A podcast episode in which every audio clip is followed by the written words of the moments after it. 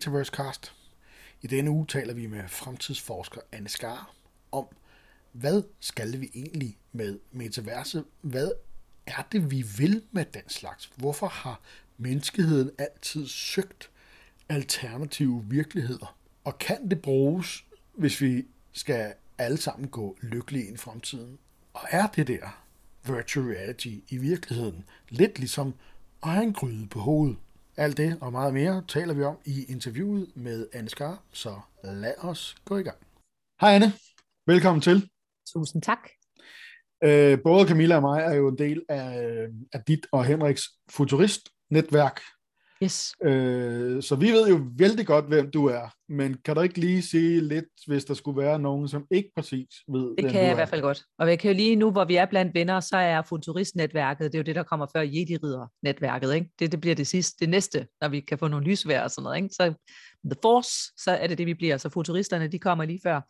Øh, jeg er fremtidsforsker. Jeg har en virksomhed, som hedder Universal Futurist. Jeg har været øh, selvstændig erhvervsdrivende i over 20 år og øh, rejser verden tynd med fremtidsbudskabet, hvor vi enten lærer folk selv at forudse fremtiden, eller kommer med indhold om fremtiden. Altså med, hvad er det, der kommer til at ske, sådan at man kan, ligesom en turguide, ikke? når folk skal ud og rejse, så, så er der jo nogen, der kan tage afsted selv, og så er der andre, de har brug for, at der er nogen, der ligesom viser dem, hvor, hvordan ser det ud over på den anden side. Øh, og vi har jo igennem de der 22 år, som vi har arbejdet som professionelle fremtidsforskere, fundet ud af, at dem, der klarer sig bedst, og dem, der har det sjovest, og dem, der får mest succes i tilværelsen, det er dem, der kan selv. Og derfor har vi lavet Futurist Pro-netværket, hvor I to jo, både Jesper og Camilla, er øh, væsentlige klipper i. Super. Grunden yes. til, at øh, altså, du, det, det, det, det kom, den her podcast startede jo faktisk derinde, fordi mm. at øh, ja, Zuckerberg han var ude og, og, og lave hans uh, offensiv der for at komme til at eje hele, uh, hele cyberspace, ikke? Ja. Øh, og, og Camilla og mig er jo uh, teknørder ind i det her, og så, så snakkede vi jo ind i futuristgruppen, ikke? og så gik der 0 sekunder, så havde vi lavet en podcast, fordi vi tænkte, nu bliver vi nødt til ja. ligesom at komme ud og informere folk om pros and cons og så videre, sådan så at folk kan gå informeret videre ind, ikke? Sådan, øh, for så vi ikke bare køber det her sådan, så massive budskab fra oven om, hvad der er hvad, ikke? Øh, fordi det er jo mange, mange forskellige ting. Men der skrev du blandt andet noget, som jeg lige ville læse, og det var derfor, at vi skyndte os at få dig på, fordi det var nemlig interessant. Mm-hmm. Det du skriver blandt andet, det er, vi skal netop huske på, at metaverset har været en drøm for menneskeheden altid, den er en del af alle spirituelle bevægelser. De fleste sci-fi romaner og film og Facebook forsøger at eje det. Det er så grisk og fremtidsfjendsk, som noget kan være. Men hvad er det der med, at det har været menneskets drøm for evigt? Men må jeg spørge jer to, fordi I er jo også sådan lidt sådan nogle nerds, der godt yep. kan lide fantasy og science fiction og altså gag og hele det der fantasiunivers. Jeg synes, det er rigtigt, det jeg skriver der. Altså, nu behøver jeg ikke, som jeg behøver at sige, at man forstår det, men altså sådan kan mærke, at det der, når man siger metaverse, så er det egentlig bare et udtryk for et univers, som menneskeheden har haft, lige siden vi begyndte at snakke med hinanden. Ja, altså jeg har, ikke, jeg har ikke set på det. Jeg har ikke set på det på den måde, men jeg kan godt se det, nu du siger det. Øhm, for mig er det, er det, er det sådan lidt et barn af 80'erne på en eller anden måde. Øh, det var der, det opstod i, i, i nogle af de her sci-fi øh, bevægelser og så videre. Øhm, og det er, sådan den, det er sådan det vantage point, jeg har, hvis man kan kalde det det. Øh, men jeg kan godt se, at der er noget større, mm. som handler om hele menneskeheden, øh, og måske nogle fortællinger, der går lidt længere tilbage. Fordi jeg synes jo, det er det, der er det vigtige at huske på. Ikke? Altså hvis ja. man sammenligner det her med økonomi, så er der jo noget inden for økonomi, der hedder markedet. Og det var der engang nogle økonomer, øh, Keynes eller sådan noget der, ikke? Ja. der sikkert har skrevet, og så har fundet på det her begreb, der hedder markedet. Men det er jo ikke det samme, som han siger, og nu ejer jeg det. Nu har jeg markedet. Eller at nogen, der har lavet et, øh, en webshop, eller har lavet et øh, marked nede på, øh, på julemarkedet, nede på, på torvet i Dragør, der siger, nu har vi markedet. det er vores. Og, og Keynes beskrev jo noget, der allerede eksisterede, når han sagde, at der findes sådan et økonomisk marked, fordi folk har handlet med hinanden, fordi de har haft en vision om, at hvis man gjorde det her, ikke sådan en transaktion, det har vi jo gjort, det er jo sådan en naturlig menneskelig ting at gøre. Og det er på det samme plan, det her, når man siger, at nu har vi ligesom fundet på noget, der hedder metaverset, og nu omdøber vi vores virksomhed, så kan man jo godt høre, ja, men det er fordi, du vil gerne tage patent på det. Du vil mm. faktisk gerne eje det. Og det, det er grisk og fremtidsfjendsk, fordi at det der, hele det der ejerskab, det skal vi jo have lavet om til at tænke på, at det handler om at have adgang til. Ligesom man ikke ejer sine medarbejdere. Du har adgang til dine medarbejdere. Du burde i virkeligheden heller ikke eje patenter på noget, som var super vigtigt for menneskeheden. Det, det burde du også have adgang til patenterne. Inden for videnskabens verden, ikke? der er der jo også hele den her tanke om, hvordan og hvor meget og hvor fedt man kunne lave, hvis vi havde sådan en form for fælles stratosfære, ikke? hvis du havde sådan et science bøs, hvor man kunne være inde i. På samme måde synes jeg også, at det er Harry Potter. Jeg synes også, at det er Star Wars. Jeg synes også, at det er spiritualitet. Jeg synes i virkeligheden, at det vi snakker om her er, ligesom hvis man siger, at Facebooks metaverse er det samme som drage og julemarked. Altså det er en meget, mm. meget lille del af en meget, meget større ting, som handler om, hvad det er, der foregår inden mellem menneskers i vores fantasiunivers, hvor vi har total nødgassen, man kan få på, når der opstår et eller andet nyt. Det tænker I to kender alt til. Ikke? Men der lige pludselig mm. kommer et eller andet nyt, og så bliver man sådan helt, wow, det er funky. Ikke? Altså, mm. der er jo nogle mennesker, som rider ud og gerne vil være en del af det her fra starten. Og jeg synes, at det med, at når nu, og jeg synes ikke, at det nødvendigvis behøver at handle om, om Facebook og den der form for metaverse, fordi den anden diskussion om, hvad det kan, og hvad det kan blive til, er meget sjovere. Men jeg synes, for den, for den deres vedkommende, så er det lidt ligesom i gamle dage, ikke? hvor der var uh, cowboy, cowboy uh, de her, hvor man skulle ud øh, over stepperne ikke, i uh, Amerika, og så kunne man ride ud med sin, hvad hedder det, så skulle man ud og sætte sådan en pæl i, ikke? satte man et flag i, og nu har jeg det, nu ejer jeg det, nu bor jeg her. Og ja, nogle gange kan du godt gøre det, men, men det er jo ikke det samme som, at du ejer hele prærien, vel? Eller du ejer, ejer ideen om, hvad en prærie er, og du ejer slet ikke naturen. Men der er også øh, en af de ting, som øh, jeg har set her øh, i den her forgangne uge, det har været netop det der land grab, hvor jeg faktisk har gået og tænkt på det univers, vi arbejder i i forhold til Tribal og Planetary, hvor i virkeligheden, så det jeg synes, der se, jeg ser nu i hele det her metavers, altså hvor jeg tænker på metaverset som et samlet del af alle de ting, der foregår, ikke kun sådan virtual reality, men også alle de andre steder. Ikke? Inden for den sidste uge, der er blevet solgt for 100 millioner dollars virtuel land. Og folk, de går helt crazy over det. Og spørgsmålet er, hvorfor gør de det? Jamen det er mm. fordi, de vil gerne være de første, de vil gerne eje noget, fordi så kan de tjene noget, så kan de... Det er i virkeligheden lidt tribal. Det er det. Også fordi man kan blive ved med at sige, og hvorfor så det, og hvorfor så det, og hvorfor så det. Altså, og der er jo rigtig mange mennesker, som også står og kigger på det og siger, jeg fatter hat. Så det gør jeg også nogle gange selv. Når jeg hører ja, ja. de der NFT-tokens, og det der med, at folk køber land, så kunne du godt mærke, at der er sådan en tribal-bevægelse inde i dig selv, der tænker, går jeg nu glip af noget? Men vi er jo så voksne, at vi godt ved, ja, det gør du nok, men det du går glip af, er måske heller ikke så vigtigt igen. Og det er ikke det samme som, at så man skal afvise det. Selvfølgelig kan der komme fede ting ud af det, og jeg håber også, at, at alt det her NFT vil komme kunstnerne til gode. Men jeg tror, at der ligger, der ligger sådan en uforløst drøm om, at på den ene side er der en masse mennesker, som har skaberkraften, altså som har visionsevne og som har skaberkraft, som ikke bliver betalt for det, de laver. Dem er der jo enormt mange mennesker øh, derude. Og en gang imellem, så hører vi jo så, du har fortalt mig sådan en fantastisk historie, Jesper, om ham her, som øh, tegner og laver de der tegnebøger, og som satte dem til, øh, fik en kæmpe fanskare, ikke? og så satte han dem til salg på Kickstarter, og i løbet af meget, meget kort tid, så havde han jo tjent x antal millioner kroner, fordi der var rigtig, rigtig mange, der faktisk gerne ville være en del af hans fanbase. Men, men der er jo langt mellem snapsene inden for det her community. Men jeg tror bare, at der er simpelthen så mange mennesker, der bare virkelig godt gad at leve af deres kreativitet. Og hver eneste gang, der så åbner den her form for nye marked, så vælter det ind, fordi at man får virkelig sådan lidt sådan den, den der creativity boner på. man tænker, åh, er det her, det kan lade sig gøre? Og så får vi de der små, der er sådan et par eksempler, ikke, hvor vi så kan pille ud og så sige, her var der faktisk en, der lykkedes med det, og her var der en, der lykkedes med det. Men for flertalsvedkommende, de 99,9 procent, bliver det der, hvor man flytter ind i, i, uh, i uh, Facebooks metaverse og siger, at nu kan jeg faktisk leve af min kunst. Det tror jeg ikke. Det tror jeg ikke. Altså jeg læste også på et tidspunkt, at, at nørder ødelægger voksenheden. Så jeg synes faktisk egentlig meget interessant, ikke? fordi det voksne, det er jo at være den ansvarlige. Ikke? Det er jo det der med at sige, at okay, hvis det lyder for godt til at være sandt, så er det måske også. Altså måske går hårdt arbejde aldrig rigtig af mode. Måske er der også et, et spørgsmål om sådan en gang imellem at bare, du ved, gøre det, som er det rigtige. Men nørden i os, falder over os selv for at komme ind og ligesom sætte den første pæl i. Ikke? Høre om en eller anden, der har solgt et kunstværk for x antal millioner kroner for nogle NFT, eller har købt en eller anden jakke, han kan gå rundt med. Og så, og så bliver vi bare, uh, tænk hvis det også skulle ske for mig. Og det tror jeg simpelthen er det, som amerikanerne kalder pipe dream. Altså, og jeg tror faktisk, at det er det, som Mark Zuckerberg kan udnytter på det groveste. Fordi det, man gør her igen, det er jo, at man kupper den store planetære menneskelige drøm om, kan vi skabe et fællesskab, hvor viden kan flyde frit, og hvor man kan få lov til at udtrykke sin kreativitet og lære, være lidt mere den person, som jeg gerne vil være. Det var også det, der var intention med internettet i sin tid. Ikke? Men internettet er jo også blevet kuppet af markedskræfter. Når man kigger på, hvad virtual reality kan, og hvad det kan bruges til, det er jo mindblowing, men jeg, jeg er da sådan pænt sikker på, at 90% af det, som kommer til at drive Mark Zuckerbergs udgave af, af metaverset, det er jo igen bare, du ved, så skal vi feste, og så skal vi handle, og så kan vi øh, købe produkter, og så kan vi gøre det på en nemmere måde, og måske også en sjovere måde, men det er jo stadigvæk sådan lidt, altså, jeg tror ikke, det er det, der er drømmen. Det tror jeg ikke. Jeg tror, jeg tror, at vi alle sammen går og længes efter, hvor er det sted, vi kan mødes, hvor vi reelt set faktisk kan løse verdens problemer, og hvor dem, der kommer til at tjene på det, det er faktisk dem, der kommer med idéerne og kreativiteten og skaberkraften, og så gør det for flertalsvedkommende.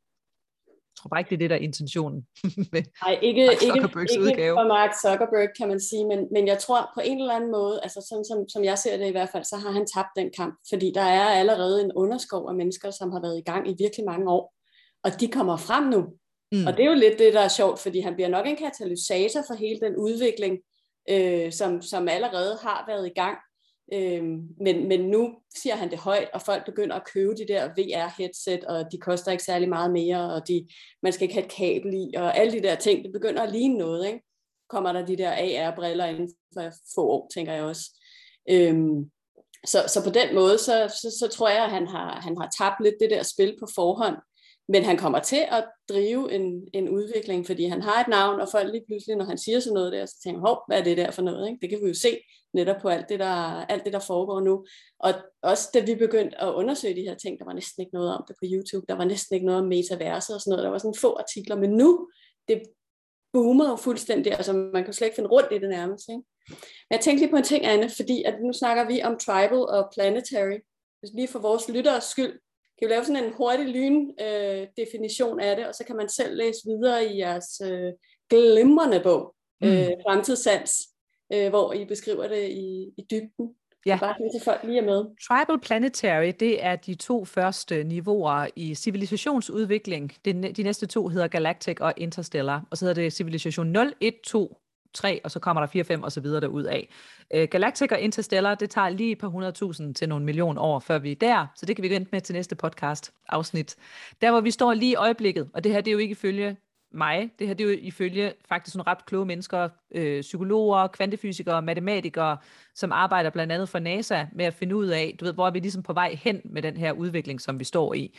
Også drevet af, at hvis vi nu møder nogle, nogle mennesker ude i rummet, når vi nu skal være space-turister, eller vi rejser til Mars, skal man så have en frugtkur med til dem, eller hvordan skal man kommunikere med dem?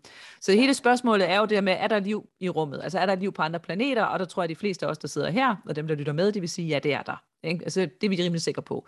Så kommer det næste spørgsmål, det er jo så, hvorfor har vi ikke mødt dem? Der er jo så blandt andet den der Dark Forest-teorien med, at det er, at hvis du møder dem, så er det game over. Så derfor, shh, lad være med at sige noget. Men der er så den teori, der følger med til, at hvorfor det? Altså hvorfor skulle det være game over? At teorien, det er, at du kan godt rejse inden for dit eget solsystem i det, der hedder tribal mode. Og når du er i tribal mode, det er der, hvor vi er nu. Det er der, hvor man hele tiden går rundt og er lidt bange. Man tror på, at der ikke er nok. Øh, derfor er man hele tiden nødt til at rave til sig. Man laver hold, hvor det er dem versus os. Man kører på gamle energikilder, og man er i gang med at smadre planeten. Så der sker sådan en vækkelse på et eller andet tidspunkt, når man kører i tribal mode, hvor man finder ud af, at what got you here won't bring you there. Alle de problemer, vi har i dag, har ændret deres karakter til, at de, de, vi, vi er simpelthen nødt til at spille os selv bedre. Vi er nødt til at stige et level i menneskehedens udviklingshistorie for at løse de problemer, vi har. Et tribal-problem er atomkrig, for eksempel. Det vil sige, at menneskeheden skaber noget nyt, som vi ikke længere kan afopfinde, og nu kan det bruges til at smadre hele planeten med. Det vil sige, at du laver også det der game, hvor du lige pludselig vækker folk til at tænke, åh, så er vi måske nødt til at være lidt mere voksne, altså lidt mere samarbejdsorienteret, lidt mindre selviske, fordi hvis vi går i atomkrig med hinanden, så taber alle. På min folkeskole i 70'erne og 80'erne, der var der et beskyttelsesrum i kælderen, fordi det var det, man var bange for. Det var atomkrig. Jeg tager til hver en tid klimaproblemer. Fordi klimaproblemer, der skal vi op af kælderen. Der skal vi væk os selv. Klimaproblem kan vi ikke løse, hvis ikke vi arbejder sammen. Og hvis ikke vi siger, at de redskaber, vi har til at gøre det med, dem har vi ikke. Fordi langt de fleste af de redskaber, vi har, de er tribal. De redskaber, vi skal bruge, de skal være planetære. Og det vil sige, at de skal for eksempel være meget mere samarbejdsorienterede. De skal være et, ikke individ mod fællesskab, men individ sammen med fællesskab. Vi skal faktisk kunne ture og sige, jeg ved ikke, hvad det er. Det ved jeg ikke, men jeg vil bare rigtig, rigtig gerne. Jeg vil gerne være planetær. Og så kan man blive bevidst om, hvor tribal verden er. Gode mennesker får typisk meget dårlig samvittighed. Øh, de, de netop føler den der afmagt, fordi verden er lave, men jeg ved ikke, hvad det er, jeg skal gøre, og jeg er bare sådan et lille menneske. Og jeg vil faktisk sige, at noget, jeg tror, der er rigtig, rigtig vigtigt lige for tiden, i forhold til det her med, er der et scenarie, der hedder, at vi bliver sådan nogle voksen babyer, ligesom i Wall-E, jeg kan ikke, huske den her Pixar-film med Wall-E, og Ivar, de der små robotter, hvor der er den der lille robot, der går og rydder op på planeten, fordi vi har ødelagt det hele, og så er menneskeheden blevet til sådan nogle voksne babyer, der jo lever i the metaverse, ude i rummet og sutter milkshake. Altså, grund til, at det er så sjovt, det er, fordi vi kan godt se det. det kunne godt ende der. Og jeg tror, at den bedste modgift mod at være i det der, det er, at det fysiske liv skal være spændende. Fordi rigtig meget af årsagen til, at vi sidder inde i metaverse, eller når man er i virtual reality, eller hvis man spiller rollespil, eller meget computerspil, eller for eksempel, det kan også være som dyrk sport, ikke? det er jo eskapisme. Det er, at jeg synes, at mit liv det er så hårdt, eller det er kedeligt, eller der er ikke en plads til mig. Det er tribal. Så derfor er det enormt attraktivt for mig at sidde inde i det her univers. Øh, jeg har selv været rigtig meget i virtual reality, specielt under corona. Altså, mm. der har jeg jo dyrket alt mit fitness og sport. Vi har jo også en Beat Saber, ikke? Camilla og Jesper ja, konkurrence, som vi ikke har fået afholdt endnu. Og det synes jeg jo er mega sjovt. Jeg synes jo, at Beat Saber til hver en tid slår fitnesscenter, for jeg hader fitnesscenter. Derfor er det mere attraktivt for mig at være i det. Ja. Men, men så var vi, øh, på et tidspunkt havde vi en kunde, hvor vi var så tæt, og nu viser jeg lige to fingre med en centimeter imellem, vi var så tæt på at få dem til at holde workshoppen i, uh, i virtual reality. De var så tæt på at lege virtual reality headsets, og så sende ud til alle deres medarbejdere, så at vi kunne holde det under coronakarantæne i virtual reality. Så Henrik og jeg, som jeg har virksomhed sammen med, vi lavede en masse research på at finde ud af, hvad for nogle rum kunne vi så være i. Og vi var begge to enige om, et socks. Altså, mm. man sad bare var ved at kaste op, og de der små latterlige tegneserier, floating heads, og lige pludselig kan du ikke finde ud af, hvor du er henne, og så kan du stå og, altså Google Tilt Brush er meget fedt, hvor du kan stå og male ja. indeni, men det er sådan lidt, ja, og så går det hurtigt at fløjten. Så vi er jo faktisk nødt til at sige til kunden, at det kan vi simpelthen ikke retfærdiggøre, fordi det er ikke der endnu. Så, det, så pointen i det, det er, at selv, selv så kedelige som fysiske møder kan være, og selv så kedeligt som et Zoom-kald også kan være, så kan det stadigvæk ikke konkurrere med et møde i, i virtual reality. Der skal simpelthen nogle flere ting på. Men, men hvis attraktionen i det, det bliver så stor, at man hellere vil sidde der, fordi du kan sidde ligesom at se konferenceagtigt, ikke? og så skal jeg ikke flytte mig fysisk over afstand, men jeg kan sidde hjemme i min egen stue og faktisk føle, at jeg er med i det, så bliver det attraktivt. Men jeg tror ikke, at det bliver så attraktivt, at folk siger, jeg, vil ikke, jeg, jeg savner også det der med at mødes fysisk ude med mennesker ude i det virkelige rum. Men jeg tror bare, altså hvis vi skulle se, hvor der, var, hvor der virkelig er noget, som vi bør arbejde med, det er, jeg tror bare, der er rigtig mange mennesker, som ikke trives særlig godt i den virkelige verden.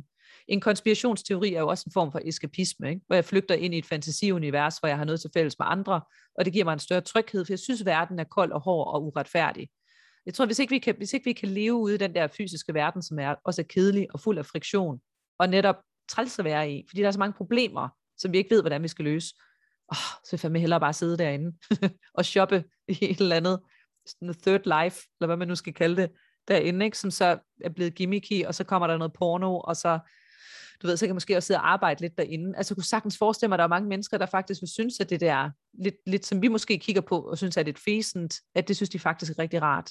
Og jo mere du så er inde i det, jo mere social akavet bliver du måske også. Eller det modsatte, vi ved det jo faktisk ikke. Men jeg tror, vi, vi som voksne egentlig skylder den her verden at gøre den fysiske verden attraktiv. Sådan at vi må gerne få begge dele. Du må gerne gå ind i et virtual reality univers og give den mega gas og være konge af verden.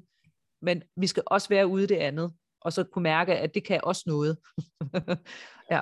Det er sjovt, det er jo faktisk den anden gæst, der siger lige præcis det der med at vi skal, vi skal gøre det så attraktivt at være altså ude af alt det der, øhm, sådan så at der også er noget ligesom, ligesom der.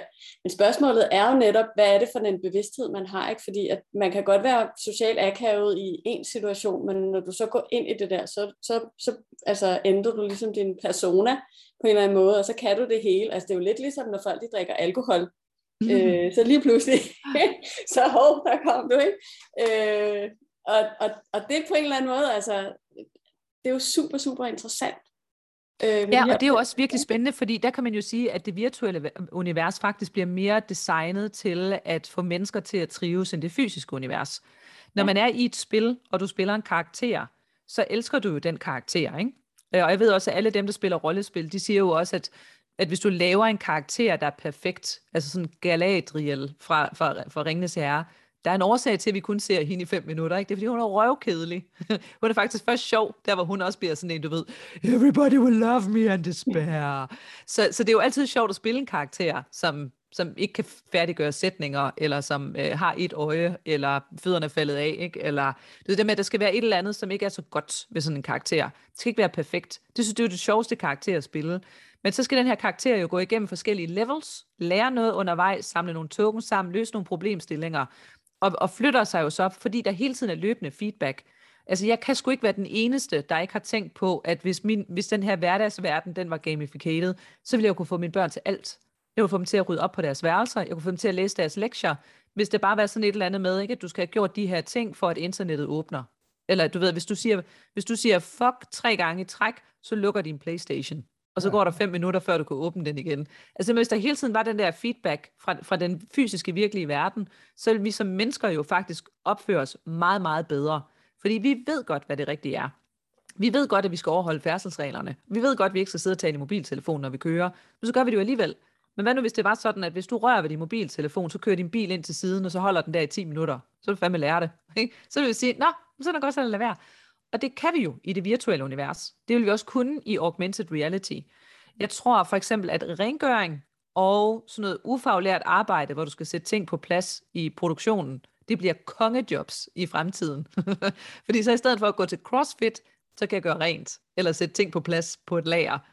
Altså, der vil også være robotter, men dem skal jo så lige udenom. Ikke? Det vil også være rengøring, så arbejder jeg sammen med dem. Så du vil faktisk have sådan en robot, som du kunne fjernbetjene ikke? med dit augmented reality halløj, og så samle point sammen det har man jo allerede lavet. Altså det findes jo allerede i industrien, hvor du kører rundt med en gaffeltruck, og så samler du point sammen. Så det der, ikke? Når der kommer sådan en feedback-mekanisme ind, så tror jeg lidt, vi får nødgasm. Men ja. så kan man også sige, hvad fanden skal man så med cheferne? Altså, hvis vi, hvis vi kan få sådan en, hvis vi kunne have sådan en fællesskabsvision, nu er vi tilbage til start, ikke? det her med, at jeg tror, at der siden tidernes morgen egentlig har været sådan en drøm om, kunne vi i fællesskab, altså har vi brug for, at der skal stå sådan en stammekriger foran og fortælle os, hvad det er, vi skal gøre? Har vi brug for en statsminister? Altså vi har jo det, der hedder et repræsentativt demokrati, hvor vi har valgt en person til at stå i spidsen, fordi det er den mindst dårlige løsning.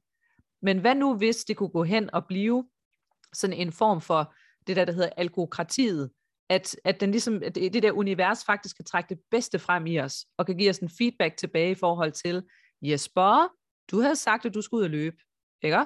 Det har du sagt, det har du lovet dig selv. Så derfor står jeg nu her, du ved, og, og laver hele din, din, virk, din virkelighed, som du sidder i nu. Det bliver helt sort. Nu slukker jeg for alle dine ting. Og du, det eneste grund til den måde, den kommer til at blive tændt for igen, det er, hvis du går ud og løber den der, de der 5 kilometer, du havde lovet dig selv. Og så kan du lægge alt muligt andet ind undervejs, som man skal, ikke? Altså det kan også være, at du skal, du skal løbe med to indkøbsposer for gamle damer, eller sådan noget, ikke? Som, som ja. den der har sagt, nu skal du også lige den der vej forbi, og skal du også have taget den der PCR-testen og sådan noget, ikke? Det, lo, det fikser du lige undervejs. Den del, den tror jeg bare, vi savner rigtig meget. Jeg tror, vi rigtig gerne vil være oplyste, men fordi vi hele tiden har, vi har designet en verden, der ikke giver os feedback, så bliver vi de der tribal tosser, der gør det, vi har lyst til, i stedet for. Der er jo det der inden for blockchain-verdenen, der er jo det her begreb, som hedder en, en DAO, altså som står for øh, skal decentraliseret autonom organisation, tror jeg nok. Øh, men det er netop det der med, hvor der er ikke nogen ledere, altså hvor at øh, folk, der er med i det her øh, demokrati, eller hvad man kalder det, øh, den her styringsenhed, jeg ved ikke, om de stemmer om, jeg har ikke sådan helt fundet ud af endnu, hvordan, men, men det er ligesom om, at, at den der vision, den kommer faktisk lidt fra det her blockchain-univers. Der er flere og flere øh, der begynder at snakke om den. Og, altså, du ved, vi har de her decentralisering, øh, interoperability, altså sådan, så ting kan hoppe fra det ene metavers til det andet, og så det her øh, øh, med, at det er communityet, der bestemmer. Det ser man i rigtig mange steder. Øh, alle de her steder, som, som går lidt imod hele det der Zuckerberg, for der er jo også nogle andre på banen, som gerne vil rave det til sig og så videre. Ikke? Så, så det er ligesom om, at, at, at det godt kunne komme derfra, ikke? Altså, fordi det er måske noget, ja. man også, altså det der med, hvorfor en styreform man skal have, har man også diskuteret siden tidernes morgen, ikke? Ja. Og jeg tror det med, at det, at det, jeg tror egentlig også allerede, som du også snakker om, Jesper, jeg tror allerede, det er i gang, og jeg tror også, det har været i gang siden tidernes morgen. Altså igen det der med, at der har været nogen, når de har set noget nyt, så vil de have det for sig selv, så vil de eje det, og så det, vi får tilbage, det bliver sådan lidt en sutteklud. Altså nu får du en udgave af det her, som du i virkeligheden bare kan ligge og trøste dig selv med, fordi livet det er så hårdt. Øh, og så er der jo den anden del af det, som jo er Jedi-ridderne, ikke? altså er den der frihedsbevægelsen, som siger på, at det her det skal være for det gode i galaksen. Det her det skal være for en større sammenhæng, sådan at det kan komme flertallet til gode. De mennesker har jo været der altid. Altså en af, en af som jeg synes er et super godt eksempel, det er Joseph Salk, som fandt en vaccine mod polio, selvom alle sagde, at det kan ikke lade sig gøre. Så gjorde han det så alligevel, og da han så blev spurgt om, hvorfor tog du ikke et patent på den, så siger han så, at du vil jo heller ikke tage patent på solen. Altså det her er jo noget, jeg har i godsøjne fundet. Altså det ligesom om, at den der vaccine jo eksisterede, men jeg har ligesom trukket den ud af, af science metaverset ind i den virkelige verden, sådan at den kan komme flertallet til gode. Så det med, hvad er din drivkraft for det, som du gør? Der tror jeg, der sidder rigtig mange derude, hvor drivkraften det er, at jeg synes faktisk, det er en lille smule sjovt at give fingeren til de der store etablerede systemer. Jeg synes faktisk, det er ret sjovt at knække en nød og lave en lille hverdagsforbedring, hvor jeg kan se, at nu er vi faktisk på rette vej. Så måske skulle man bruge metaverset til at lave planetary scientists, eller planetary nerds, eller planetary IT hackers, der så kan mødes i det her rum og snakke om, hvad skal vi så lave i år, og hvad for en opgave skal vi tage næste gang. Jeg var for eksempel i øh, Dubai på et tidspunkt, og tale om fremtidens shipping, hvor en af de her game changers, det var, det er en del år siden, men en af game changers, det var, at på et eller andet tidspunkt, der vil der være sådan et, et, et planetært, globalt internet, som, som shipping kan sejle på. Altså, ingen grund til, at hver eneste shipping-selskab skal have deres egen IT-platform. Det er fuldstændig latterligt. Mm. Men jeg kan huske det også ude i, øh, når man tjekker ind ude i, øh, i en lufthavn, så er der jo de der standere, hvor alle ligesom er samlet på. Og de bliver jo så, og det der med, når det hele er samlet på et, jamen så skal du ikke, så skal hver flyselskab ikke have deres egne, men i starten vil SAS jo have deres egne. Nu er mm. SAS også flyttet ind på den her, fordi det er åndssvagt, det der med, at du skal have det for dig selv. Så på et eller andet tidspunkt, så vil det komme med shipping, så sejler alle på det samme, og det fede ved det, det er, at fordi alt efterhånden er med sensorer i, når du sender et eller andet, så vil du jo kunne se på global verdensplan, så vil du se, hvad der bliver fragtet rundt i verden, hvor det er henne på en given tid. Du vil kunne lave predictive analytics på vejret, sådan at du ved, at om x antal dage, der vil der være en hurricane øh, ned mod Elfenbenskysten. Men nu har vi, nu har vi sat sådan nogle øh, koldtvandsdyser på, øh, de her shippingskibe, som gør, at de kan pumpe koldt havvand op til overfladen, fordi sådan en hurricane, den tager fart, når den kommer hen over varmt overfladevand. Så hvis de der skibe, de kunne pumpe koldt overfladevand op, når de sejler, så kan de faktisk få den der hurricane til at fise ud. Så vil det sige, at der er en havn at lægge til kaj i. Den er ikke blevet smadret af en hurricane. Skide godt for økonomien. Og man kan bare se, at der er nogen, de sidder bare, Åh, Hå? det kan jo aldrig komme til at ske. Og så, så kan man bare se de der nerds der, ikke? Altså man kan se de der IT-nerds, de sidder og tænker, mm, ja. Og, man, og det grund til, at de sidder og siger, mm, ja, det er fordi, de er allerede i gang. Og så kommer de op, og så siger de, det er fuldstændig rigtigt. Og du ved, jeg er jo i gang. Jeg sidder jo sammen med konkurrenterne, altså IT-konkurrenterne over fra den anden. Vi er jo i gang med at lave det der system, fordi vi synes jo også, det er åndssvagt og håbløst. Så, så jeg tror egentlig, at det er i gang. Jeg tror, vi har sådan en, en global resistance altså på, på hele jordkloden. Og det, der er det fede nu, det er, at nu kan vi jo møde, nu kan møde hinanden. Det kunne vi jo ikke for 50 år siden, vel? Der sad man lidt her og der. Men jeg er da sikker på, at da man sad med atomkrig, ikke, der har der jo også været japanere, russere, danskere, amerikanere, som, som ligesom har kørt sådan undercover nedenunder, fordi de godt se, hvis vi går op til toppen og prøver på at sige de her ting om, at vi skal lave planetary med, med det her atomhalløj, så vil de bare sige, wow, wow, vi skal bare have nogle flere bomber, fordi russerne er vores fjender. Så okay, too soon vi går lige ned, og så laver vi det lige hernede undercover. Det tror jeg, vi har mega meget af. Og måske vi faktisk lige ved at nå sådan en tipping point, hvor vi kommer til at overhale hele det der synchronicity show, ikke? Med, med, hvor kunstig intelligens kan tage over, og så er vi faktisk klar. Jeg tror, vi som mennesker kan meget mere. Jeg tror virkelig, at vi har lavet sådan et spirituelt metaverse, uden at vi har opdaget det. Der var faktisk en artikel, øh, som jeg delte øh, på LinkedIn i går, jeg faldt over, som netop handlede om det der næste niveau hvor at metaverset, øh, ligesom du snakker om, markedet bliver sådan en eller anden mental konstruktion, som vi alle sammen bare accepterer, selvom den i virkeligheden ikke eksisterer, men vi ved godt, hvad det er alle sammen. Men der er ikke nogen, ligesom internettet, hvor ligger det hen? Ja. Altså er det Valby, eller hvor, hvor er det? Ja, hvor, er, hvor er det henne? Hvem har det? og, og, og det er jo en, en, øh, et, et niveau i vores allesammens bevidsthed, som vi bare er nået til, uden at overhovedet sætte spørgsmål til det. Og så, så den her artikel øh, handler om ligesom den næste, hvor at når vi kan tilgå data så hurtigt, altså vi, vi, der er ikke forskel på, om jeg tænker tanken, øh, eller på min egen paratviden, eller, eller jeg googler det, du ved, som er den måde, vi gør det i dag. Ikke? Altså det er sådan, at du ved, det ved jeg bare, fordi det har jeg adgang til hele tiden. Det vil sige, at vi har alle sammen adgang til den her, og så bliver det sådan en eller anden slags, og i, og i virkeligheden måske også adgang til hinandens øh, tanker, fordi at jeg kan tænke en blogpost eller sådan noget lige så hurtigt som, du ved, så lægger det der bare, ikke? Så, så han snakker om sådan en fælles, altså nærmest sådan en hive mind, ja. øh, i det, ikke? Sådan det næste niveau af spiritualitet, og så, og så du ved, way beyond det, ikke? Hvor det virkelig begynder at blive, øh, altså, øh, af sci-fi, men, men den, det, det lød ikke sådan helt øh, usandsynligt. I like, I like the way you think, Jesper Bram. det kommer i, øh, i 2033. Fordi at jeg har lige læst, jeg har lige læst om det i dag. øh, der er et firma, som hedder, hvad hedder det, Paradromics, øh, som har lavet sådan et hjerneimplantat, som i første omgang skal hjælpe øh, altså folk, der er blevet damme, for eksempel med at gå. Øh, I næste omgang, så skal de øh, hjælpe folk, der har altså, talehandicap med at tale, og folk, der har synshandicap med at se, og folk, der ikke kan høre, så kan de lige pludselig høre og sådan noget der. Og det næste level af det der, det er faktisk noget nonverbal kommunikation. Sådan så du bare kan tænke, altså teknologien er på vej. Øh, det er sådan lidt ligesom, altså jeg ved ikke om I har fulgt med i hele det her Neuralink, som Elon Musk han har gang i det der med at koble hjerne og maskine og sådan noget der. Øh, det her, det skulle være next level, og de skulle være meget længere fremme i forhold til de her ting.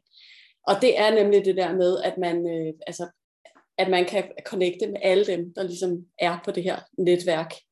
Øh, og det er, altså, det er i gang, og det, de, de sagde, i, i, i, de, i de sene 20'er, eller i de, i de hurtige, eller hvad hedder det, tidlige 30'er der.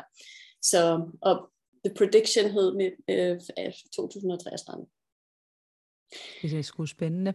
Det er det ja. godt. Jeg tror også, at, men jeg tror også, at det, hvis man nu kigger sådan 100 år frem i tiden, og så man siger, hvad vil vores efterkommere sige om os? Altså, så vil de jo sikkert synes, at vi er lidt nogle fortidsmennesker, ikke? Godt forestille mig. De vil synes, at vi er sådan lidt tilbagestående. og sige, hvorfor? Hvorfor vil de synes det? Så vil de jo sige, jamen prøv at høre, de levede simpelthen i en tid, hvor hele kloden den var i brand. Altså de, og de, fik, de blev faktisk placeret i halvandet år i coronakarantæne med sociale medier ovenpå, hvor de jo kunne have valgt at sige, okay, hvad kan jeg så bibringe med til verden? Hvordan kan jeg være med til at løse de her problemer? Vi kunne have fået det solgt ind fra vores politikere på den måde, så i stedet for, at det var sådan noget, du ved, bø, bø, bø, nu skal I sidde derhjemme som sådan nogle fucking velfærdspedeller, og sidde og bare spise noget takeaway. Vi kunne jo også have fået at vide, I skal have det til at fungere i jeres lokalsamfund. Her er spillereglerne til at gøre det.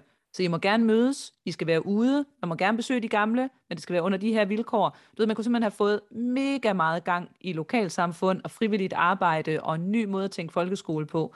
I stedet for, så er vi jo bare blevet så bange alle sammen. Og det er ikke godt, fordi så ryger vi i tribal mode. Så jeg tror, at det, det de i hvert fald vil sige om os, det er, nøj, hvor bare de bare bange og bekymrede. Og hvad nu, hvis det er det, der holder os tilbage i forhold til at træde ind i den virkelighed? Det er, at vi skal tage et af de andre redskaber, som også er et stor del af metaverset, altså det rigtige metaverse fra start af, det er jo kærlighed. Kærlighed og empati, det er jo verdenshistoriens første forsikringsselskab. Så hvis øh, Jesper og, og mig, vi nu var to hulemennesker, og Camilla, du er vores adoptivbarn, så man siger, at der er ikke nogen genetisk årsag til, hvorfor vi skulle adoptere Camilla ind i vores stamme. Og hun startede faktisk også med bare at æde alle blåbærene hele tiden. Ikke? Altså der er ikke nogen, der er ikke nogen årsager til, hvorfor vi skulle ikke bare æde dig men fordi at vi kunne se noget i dig, fordi vi kunne se os selv, og, og du ved, at du dine brune øjne, ikke? Mm, så opstår kærligheden som verdenshistoriens første forsikringsselskab.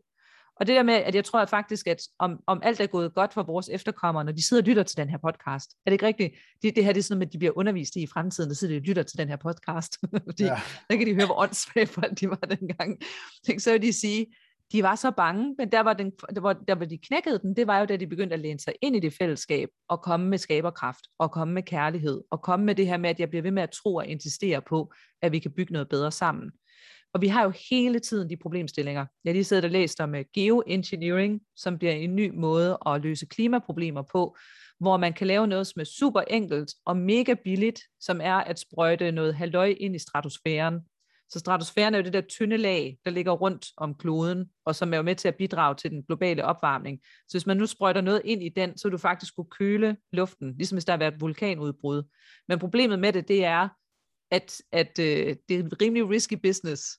Men det er billigt, og det er nemt. Så man kunne gøre det i dag.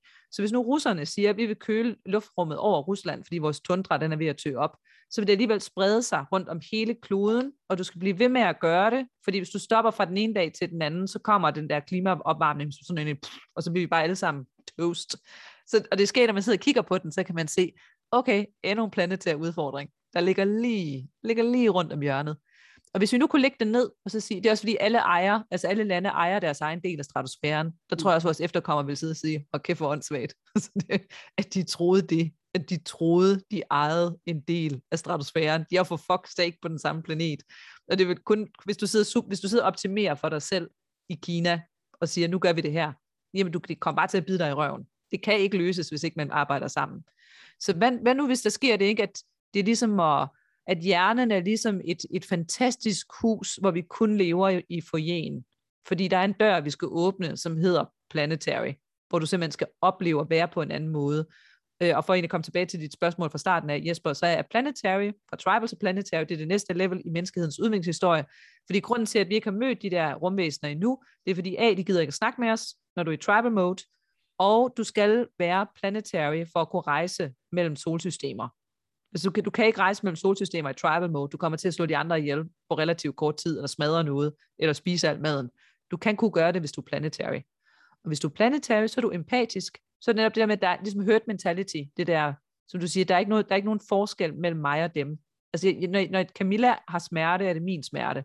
Hvis, hvis Jesper er ked af det, er det min ked af det.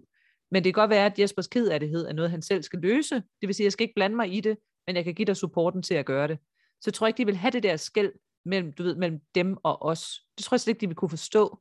Og så bliver det måske sådan, når vi går ind ad den dør, så åbner den der hjerne sig, og så finder vi lige pludselig ud af, nøj, sådan har det været altid. Jeg har jo garanteret set de der tryllekunstnere, der får folk til at, at tegne noget, eller træffe nogle beslutninger, og så har de forudset, at det var det, de ville gøre, men bagefter så viser de så, det var fordi, du havde set den der, det var fordi, der var ham manden, der sagde det der til at vi havde anbragt den her plakat. Så, så ubevidst har du set alle de ting, og det er altså det, der har gjort, at jeg kunne forudse, hvorfor du træffede de beslutninger. Man har jo også blandt andet i den bog, der hedder Predictive Mind, så har man jo kunne påvise, at når vi træffer beslutninger, som vi tror er bevidste, så har vores hjerne truffet den beslutning ubevidst op til omkring sådan noget 14 sekunder før, at vi bliver bevidste om, at vi gør det. Så jeg tror egentlig, at alt det her, vi sidder og snakker om lige nu, det er der allerede. Vi kan bare ikke se det, fordi vi tror, at vi skal være bevidste om det. Men vi er en del af et kæmpe computerspil og, og vi har skabt det der metaverse. Nu er der bare nogen, der prøver at sige, nu skal vi have det her, så skal det gøres til markedet, hvor vi skal handle på, fordi det er det, der gør folk glade. Men jeg tror, det er så meget større, så meget større end det. Og det er fedt, hvis det er 2033, Camilla. Så kan vi jo nå at opleve det. Ja, lige præcis. Lige præcis, det tænkte jeg også. Hold op, det, øh, det går stærkt. Ja. Men altså, vi, vi har det jo med at hvordan er det, man siger, overvurdere teknologi på den, på den korte bane, ikke? Og uh, hvor er det ja. vildt, og nej, og AI og alt muligt. Og så var der sådan nogle øh, lidt fjollede eksempler og sådan noget. Så glemmer man det lidt, men lige pludselig så siger det bare, bang, så rammer ja. AI dig i... Øh, Ja. Præcis, og det er jo der, hvor det også er interessant at kigge på, hvad er så game changeren? Det er jo blandt andet mm. også det, det her vores øh, futurist community, ikke? vi arbejder med at sige, at hvis det nu er sådan, ikke, at vi overvurderer, kigger på metaverse, og så blæser vi det helt ud af proportioner, ja. og så bliver vi trætte af det, og det betyder så, at vi undervurderer det på den lange bane. Og det er jo der, hvor der kommer sådan en game changer. Ligesom hvis du, hvis du går på et guld, på, på hvad hedder det der rullebånd ude i lufthavnen. Hvis man forestiller sig, at det startede med at være blåt, men når du står nede for enden, så er det rødt. Men du har faktisk ikke opdaget den overgang. Hvis du så blå over for rød, så vil du sige, at det er mega forskelligt. Mm. Det der med, hvor, hvor har dit liv egentlig ændret sig henne, uden at du har lagt mærke til det. Så en ting, der har ændret sig i løbet af de seneste 10-15 år, det er jo det med, at når vi kører i bil, så har vi jo vendt os til at køre med en GPS. Og det, der faktisk er den store game changer, det er, at før vi gjorde det, der kørte vi rundt med de der dumme kort, ikke? krakskort, som egentlig gjorde, at vi alle sammen skændtes hele tiden, fordi ingen vidste, hvor vi var. Øh, men, men fordi at det var dumt, fordi der ikke var noget feedback i det, så var alle de andre også dumme. Så hvis min mor og far, de sad i en bil, så var det jo ikke dem, der var kø. Det var alle de andre, der var kø. Ligesom når man siger, puh, der er mange turister her. Så ja, det er du også selv. Nej, det er jeg i hvert fald ikke. Så jeg tror, at den, den generation før os var ikke bevidste om, at de selv var med til at skabe problemerne. De sad bare og observerede på dem og sagde, at alle de andre, der også skal løse det. Fordi vi har fået GPS, så er vi jo vant til at køre med en feedback-mekanisme. Vi er jo vant til hele tiden at lige at holde blikket over på den her algoritme, som nu forudser, at Jesper, hvis du fortsætter dine handlinger, så ender du med at sidde i kø den næste halve time. Derfor anbefaler jeg nu til dig, at du ændrer din handling. Du kommer stadigvæk derhen, hvor du gerne vil, Men hvis du tager den her beslutning, og så lige tager den her lille adfærdsændring, selvom du måske ikke har lyst til det, hvis du gør det alligevel, så bliver vi alle sammen glædere. Så vinder alle, fordi nu bliver du ikke til kø. Men det er fordi, du ved, Jesper, jeg er potentielt kø. Det er ikke de andre, det er os. Så hvis jeg, hvis jeg gør det, der er godt for flertallet, så går der ikke noget af mig. Det gør det måske lige på den korte bane, fordi jeg skal dreje lidt i rettet, og det er super hårdt. Men på den lange bane, så vinder vi alle sammen. Den har vi vendet os til. Og det tror jeg faktisk er en stor del af det med, at, at game changer, det er, at vi ikke længere sådan nogen, der sidder og observerer. Vi er faktisk nogen, der rigtig gerne vil ændre vores holdning. Problemet det er bare, at vi har ikke de visioner. Altså vi har ikke den algoritme, der kommer og siger til os, hvor opstår den kø henne? Hvor er det problem henne? Vi har lige haft en, øh, en oplevelse, hvor det virkede. Det var jo, da corona blev IT-chef og lukkede hele verdens mødekultur ned, som folk i forvejen, hvis det var destinationen, ikke var sådan noget, der gider jeg ikke hen. Men jeg gør det bare alligevel, fordi det skal jeg jo. Og så får vi lige pludselig at vide, at du kan også køre herhen, så kan du holde online i stedet for. Okay, det vil jeg faktisk gerne. Så oplevede vi, at det kunne vi på 14 dage. Problemet er, at vi har taget alt vores mentale lort med. Altså vi har bare taget de fysiske møder og gjort dem online. Og så undrer folk sig over, hvorfor det er så forfærdeligt. Ja, det var fordi de fysiske møder var kedelige til at starte med. Når du lægger det online, så bliver det forfærdeligt. Vi flytter jo ikke ind i det. Jeg tror også, det der er en opgave med den, med den næste generation, der kommer. Det er, at vi skal bare virkelig anspore vores børn til at åbne op for den kreativitetsluge, til at sige, hvor er det, vi skal hen med den her GPS, hvor er det blevet bedre henne. Fordi hvis man kigger på de der møder, der bliver holdt i virtual reality, så er det jo stadigvæk, lad os tage det fysiske møde, og så lægge det ind i virtual reality, og så lave en sjov udsigt. Men det er jo same shit. Det er jo det samme som dengang, da Krak, de startede med at lægge deres kort online. Ja, det er bare en pdf. Den kan jo ingenting. Det skal jo være en møde, der giver os feedback. Det skal jo være en, en møde, et virtuelt rum, der lærer os, hvad fanden er det, I skal være her for? Ikke? Altså, hvad de vil opleve? Hvor jeg føler, at når jeg er kommet ud af det møde, så er jeg faktisk blevet et bedre menneske, der har været med til at løse problemer. Jeg har givet noget af mig selv, jeg har fået noget ud af den her igen. Og når man så siger det der med, og hvad er så det? Ja, Beat Saber. altså, hvis man nu i fremtiden sagde, den der vinder i Beat Saber, er den der får lov at bestemme. Ja, for fanden. ja. Det er jo ikke rigtigt. Det skulle da blive super meget sjovere, end de er i dag. jeg kan også tænke på en ting, Anne, i forhold til det med GPS'en, ikke? Øh, som, som jeg tænker måske, du vil have et godt svar på, fordi der er, jo, der, er jo, der er jo ligesom to sider af den. Altså jeg har for eksempel øh, i mange år kørt motorcykel, også øh, rundt omkring i Europa, og rigtig oftest, når man, øh, det, det er ligesom, at, at når du bliver væk, altså når, du, når, der, når der sker noget, som du ikke havde forudset, øh, så får du de største oplevelser, og det ja. er oftest, altså i de der, det er, det, sådan, det er sådan klassiske community ting. Så når man kommer hen det sted, altså du ved, vi kørte til sådan nogle motorcykel campingpladser, så sidder alle folk jo og deler historier rundt omkring uh, lejrbålet-agtigt, øh, og så fortæller man jo om de her ting, som var nogle oplevelser, man fik, fordi et eller andet, og det har næsten alle på motorcykel har oplevet at være stok et eller andet sted, og få hjælp af nogle fremmede til et eller andet haløjse, og så, og så udfolde dig et eller andet. Ikke? Så hvis du fortsætter dig den der GPS-historie, hvor du ligesom bare altid tager den korteste vej, eller den smarteste vej fra A til B, men så ved siden af det, så har du også den der uforudsete ting, som du så måske ikke rigtig kommer til at opleve, hvor du i virkeligheden gemmer sig nogle, øh, nogle, nogle gennembrud. Du, hvordan øh, hvordan ja, må du sådan... Det hedder jo, det er jo sådan et fantastisk ord, ikke? På engelsk hedder det serendipity. Det er sådan et smukt ord. Og det er jo hele årsagen til, at vi det, altså gider at forlade vores hjem. Det er jo serendipity. Det er, at jeg håber, at der er nogle sjove grøntsager op i, i supermarkedet, som jeg ikke selv havde bedt om, at der skulle være. Jeg håber, at når jeg går til den der konference, så sker der et eller andet, du ved, som jeg får med hjem, som jeg ikke ved, hvad er. Jeg håber, når jeg tager på den der ferie, ikke eller ud og køre på motorcykel. Så vi er faktisk som mennesker allerede preppet på den. Og det er vi også helt ubevidst, at vi kan faktisk enormt godt lide overraskelserne, når de ligger inde i det her felt, der hedder serendipity. Og det er også sket, fordi at når vi er i det mindset, vi kan vi godt lide tab og kontrol. Fordi vi ved godt, at det er tabet af kontrol, som gør, at du lige åbner dig op til, at så kommer der også noget godt tilbage. Det vil sige, hvis vi igen er skide bange og nervøse, jamen så får du heller ikke noget serendipity, fordi at jeg har det der totale tunnelsyn på, skeptisk og indebrændt, og så kan verden jo være fuld af vidunderlige lokale mennesker og overraskelser og sjov mad, men jeg kan ikke se det, fordi øh, jeg kan bare ikke overskue det.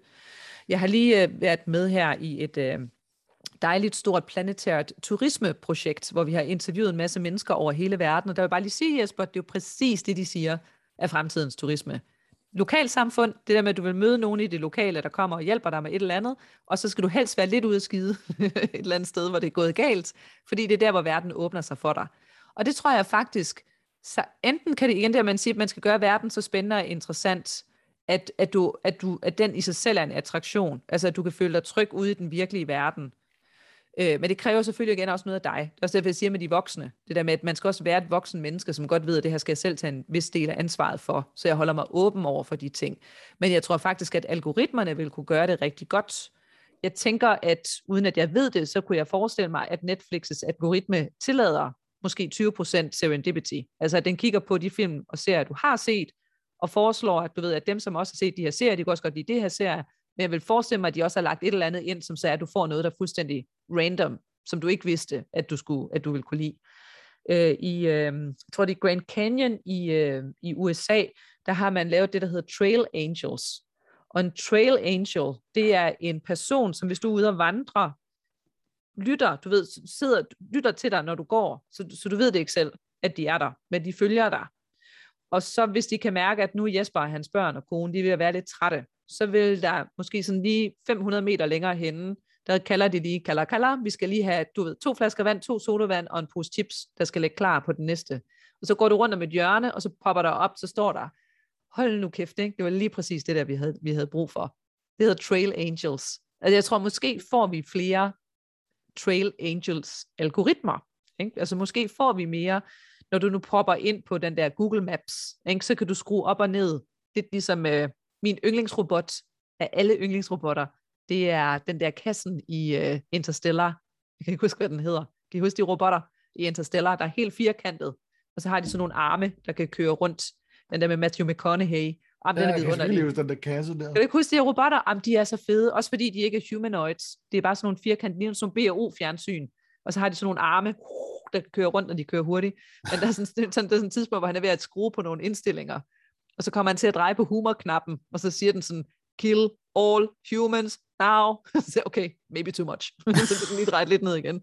Og det kunne godt være, der var sådan en, du ved, du kunne skubbe op og ned på Google Maps, du ved, sådan, hvor du siger, er det bare i dag, er det bare, du ved, jeg er ikke humør til noget, jeg skal bare hurtigt frem. Og så kan du lave den anden, ikke? den der, hvor der kommer lidt mere Trail Angel og Scenic Route. Men så vil du også vide det. Ikke? Ligesom det med, at når du går ind i et computerspil, så kan det godt være sådan lidt, uh, hvad kommer der til at ske nu? Og så kommer der nogle ting til dig, ikke? som du egentlig havde forventet, men alligevel ikke havde forventet. Så måske kan man kan bede, man kan bede algoritmen om at sige, jeg har bare lortedag i dag, så der skal ikke være nogen overraskelser. Og så næste i morgen, der må der faktisk godt. Ja, jeg vil gerne have en på opleveren. Jeg vil godt have en på opleveren. Så kan du skrue op og ned på knappen, ja, ja. efter hvor meget du tør. Ja, er vi ikke også dem, der elsker The Game, den der film med Michael Douglas, hvor han får en fødselsdagsgave af sin bror, som er et rollespil, han træder ind i i den virkelige verden. Altså, er vi ikke nogle stykker, der har siddet og kigget på den og sagt, sådan kommer man til at lave projekter i fremtiden. Ikke? Altså, ja. at vi, vi er jo så vant til, at vi hele tiden igen skal køre forbi frontallappen, og alting skal tales til os, for ligesom, nu skal du forstå det. Men jeg har altid tænkt, at kæft, jeg gad godt at lave sådan nogle projekter, hvor jeg havde et møde med kunden. Så det vil sige, at man sidder med en eller anden bank, og de siger, at vores medarbejdere, de er sådan her, og ledelsesgruppen er sådan her, vi kunne rigtig godt tænke os, at de var sådan her. Ikke? Man sådan kommer over til GPS'en. Ikke? Godt tænke mig, at de var mere diverse. Vi vil virkelig gerne have, at de fatter det der MeToo, hvad det er, det handler om. Øh, vi vil rigtig gerne have, at de ikke kun har fokus på penge, men at de kigger på samfundsrigdom, så man ved, hvor det er, de skal hen. Og så mødes vi, Camilla og Jesper, og så laver vi spillet til dem. Og så hyrer vi en masse skuespillere, og noget af det kan godt være virtual reality augmented reality, men det der med, at man sådan designede en proces, som folk kom igennem, uden at de faktisk vidste, at de var i et spil. De har bare fået at vide, der kommer til at ske ting. Du vil ikke rigtig vide det. At det, det kan de fleste mennesker jo faktisk godt. Jeg ser Camilla, hun sidder også og smiler. Jeg har faktisk været med til at lave det til en polterarben engang øh, hvor det var så crazy til sidst, at vi faktisk havde glemt, at vi havde lavet de her forskellige ting i spillet, fordi du er humøret steg jo bare, og så har jeg ja. ikke sagt for meget. Øh, så, så der var pludselig en, der, der skulle lave en scene inde på en bar, så virkede som om, at han havde fået en OD på et eller andet. Så røg alle folk i, øh, du ved, 112 mode, mens en anden var rundt, ej, hold op, det var, det var en del af gamet. Ja, ja. Fordi det havde jeg totalt glemt. Ja, og der er altid noget sjovt i det der med, du ved, er det, er det, er det nu? Er det gamet? Eller er det ikke gamet? Lige præcis. er, vi, er vi lige nu i Metaverse? Ikke? Er vi i The Matrix? Eller ja. er vi ikke? Ikke? Altså, den det, sang kan man næsten ikke undgå at have hele tiden. Hele tiden, altså, I forhold til, altså, hvad er, hvad er virkeligheden? What er is real?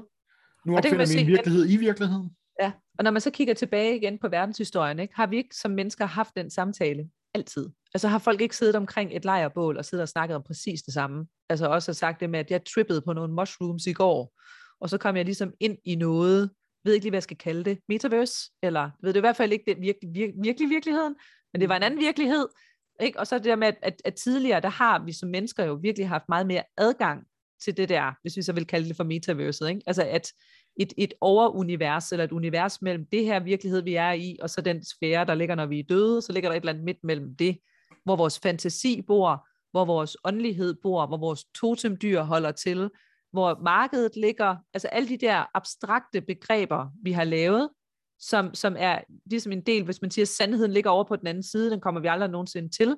Vi kan, vi kan jagte den, men hele vores begrebsverden og abstraktionerne ligger i stratosfæren mellem de to lag. Og så kan jeg tage fat i det, så kan jeg hive det ind, og så sige, nu kalder jeg det her for markedet. Og nogle gange, så vil der være nogen, der siger, det er jo fandme en god idé, det vil jeg gerne købe det der. Og, og, og købe er jo en transaktion, hvor man danner relationer.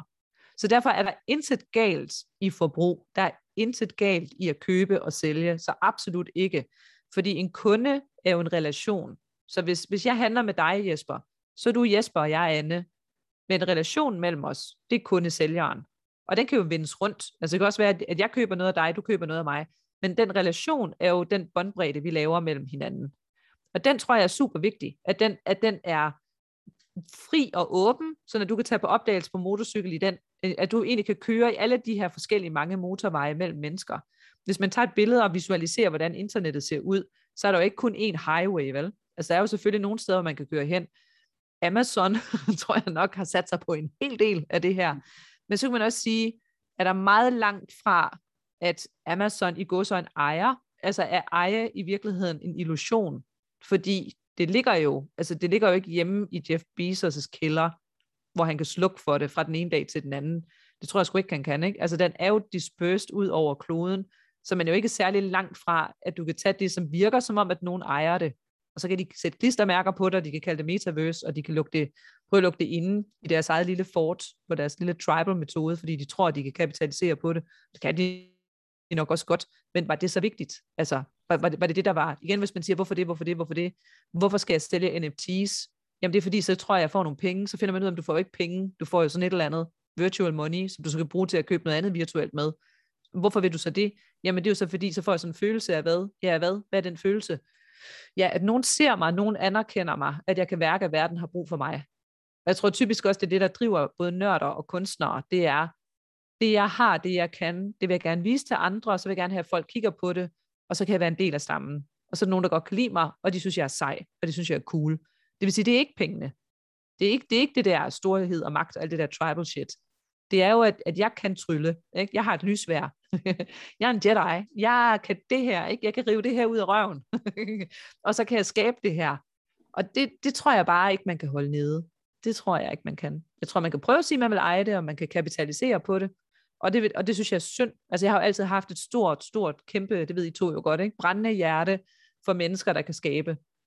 Hvis man nu for eksempel tager en forfatter, altså en forfatter, der skriver en bog og bruger seks måneder på det, og går til et forlag og bliver afvist, og går til det næste og bliver afvist igen, og bliver så endelig udgivet, og så tager forlaget 85% af omsætningen, og så skal man være glad, samtidig med, at du selv skal ud og sælge den. Altså, jeg kan blive simpelthen sur. Jeg skulle da utroligt, ikke? Altså, at vi burde jo have en økonomi, der fremmede det, altså som kunne ligge et basislag ind under alle de mennesker, som er kreative, så du kunne leve af det. Du behøver ikke være rig på det, vel? Men det der med, hvis du kunne leve, prøv lige forestille en verden, hvis vi havde den om 100 år, hvor man simpelthen lever af sin egen kreativitet. Det tror jeg ikke, der går 100 år. Tre, nej, det var i 2033, ikke? Jeg tror, nej. Ja. Jeg prøver at øvrigt, fordi hele det der NFT-ting, og, og det der med at lave dem så i, til det digitale univers, altså jeg tror noget af det første, det er for eksempel tøj. Ja. Altså, modebranchen er allerede ja. på fuld hammer, øh, lidt i tribal mode, men det fede er jo, at hver, altså alle kreative, fordi den her skaber grænsen med de her tools, bliver nemmere og nemmere at gå til. Øh, altså, der kan man se fra, fra internet nummer et, altså der, det var der, hvor jeg startede, hvor der skulle man kunne skrive HTML og sådan noget, øh, du er meget avanceret noget, som i dag overhovedet ikke er avanceret. Øh, det skulle man kunne skrive i hånden, for at kunne lave noget til internettet. Og så klip til i dag, ikke, hvor alle tosser, det bare kan udgive alt muligt mærkeligt, ja. og der bliver hele tiden nye, de her creation tools og alt sådan noget. Ikke? Og det kan man også se nu allerede er i, i gang øh, i forhold til, til at lave øh, alt muligt mærkelige ting. Altså vi så det jo også lidt, lidt i det der Second Life, ikke?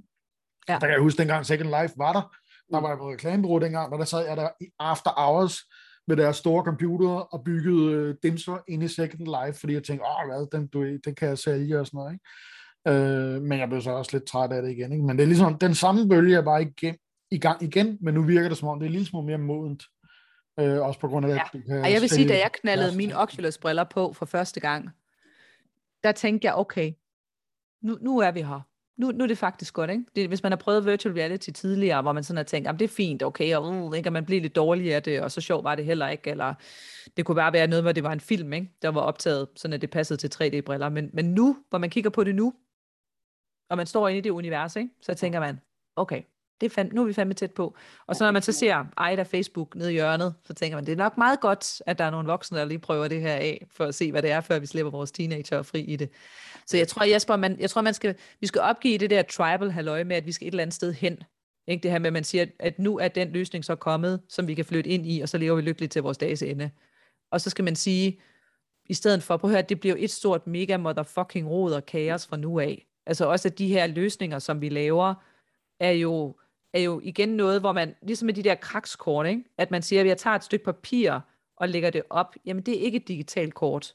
Altså man tager verden, virkelighedens verden og lægger den ind i virtual reality, ligesom man tager et møde og lægger den ind i metaverse, bliver det bare en dårlig fotokopi. Mm. Hvis, vi, hvis vi tror, at vi skal lave lande i gåseøjne, ikke? altså lige nu er det jo også absurd, at man egentlig kan sige, at man flytter, altså hvis det var ude i den virkelige verden, så er der grænser af nationalstater, og der er regler, og der er luftrum, og der er flybilletter og alt muligt, ikke? for at du kan komme det ene sted, fra det ene sted til det andet.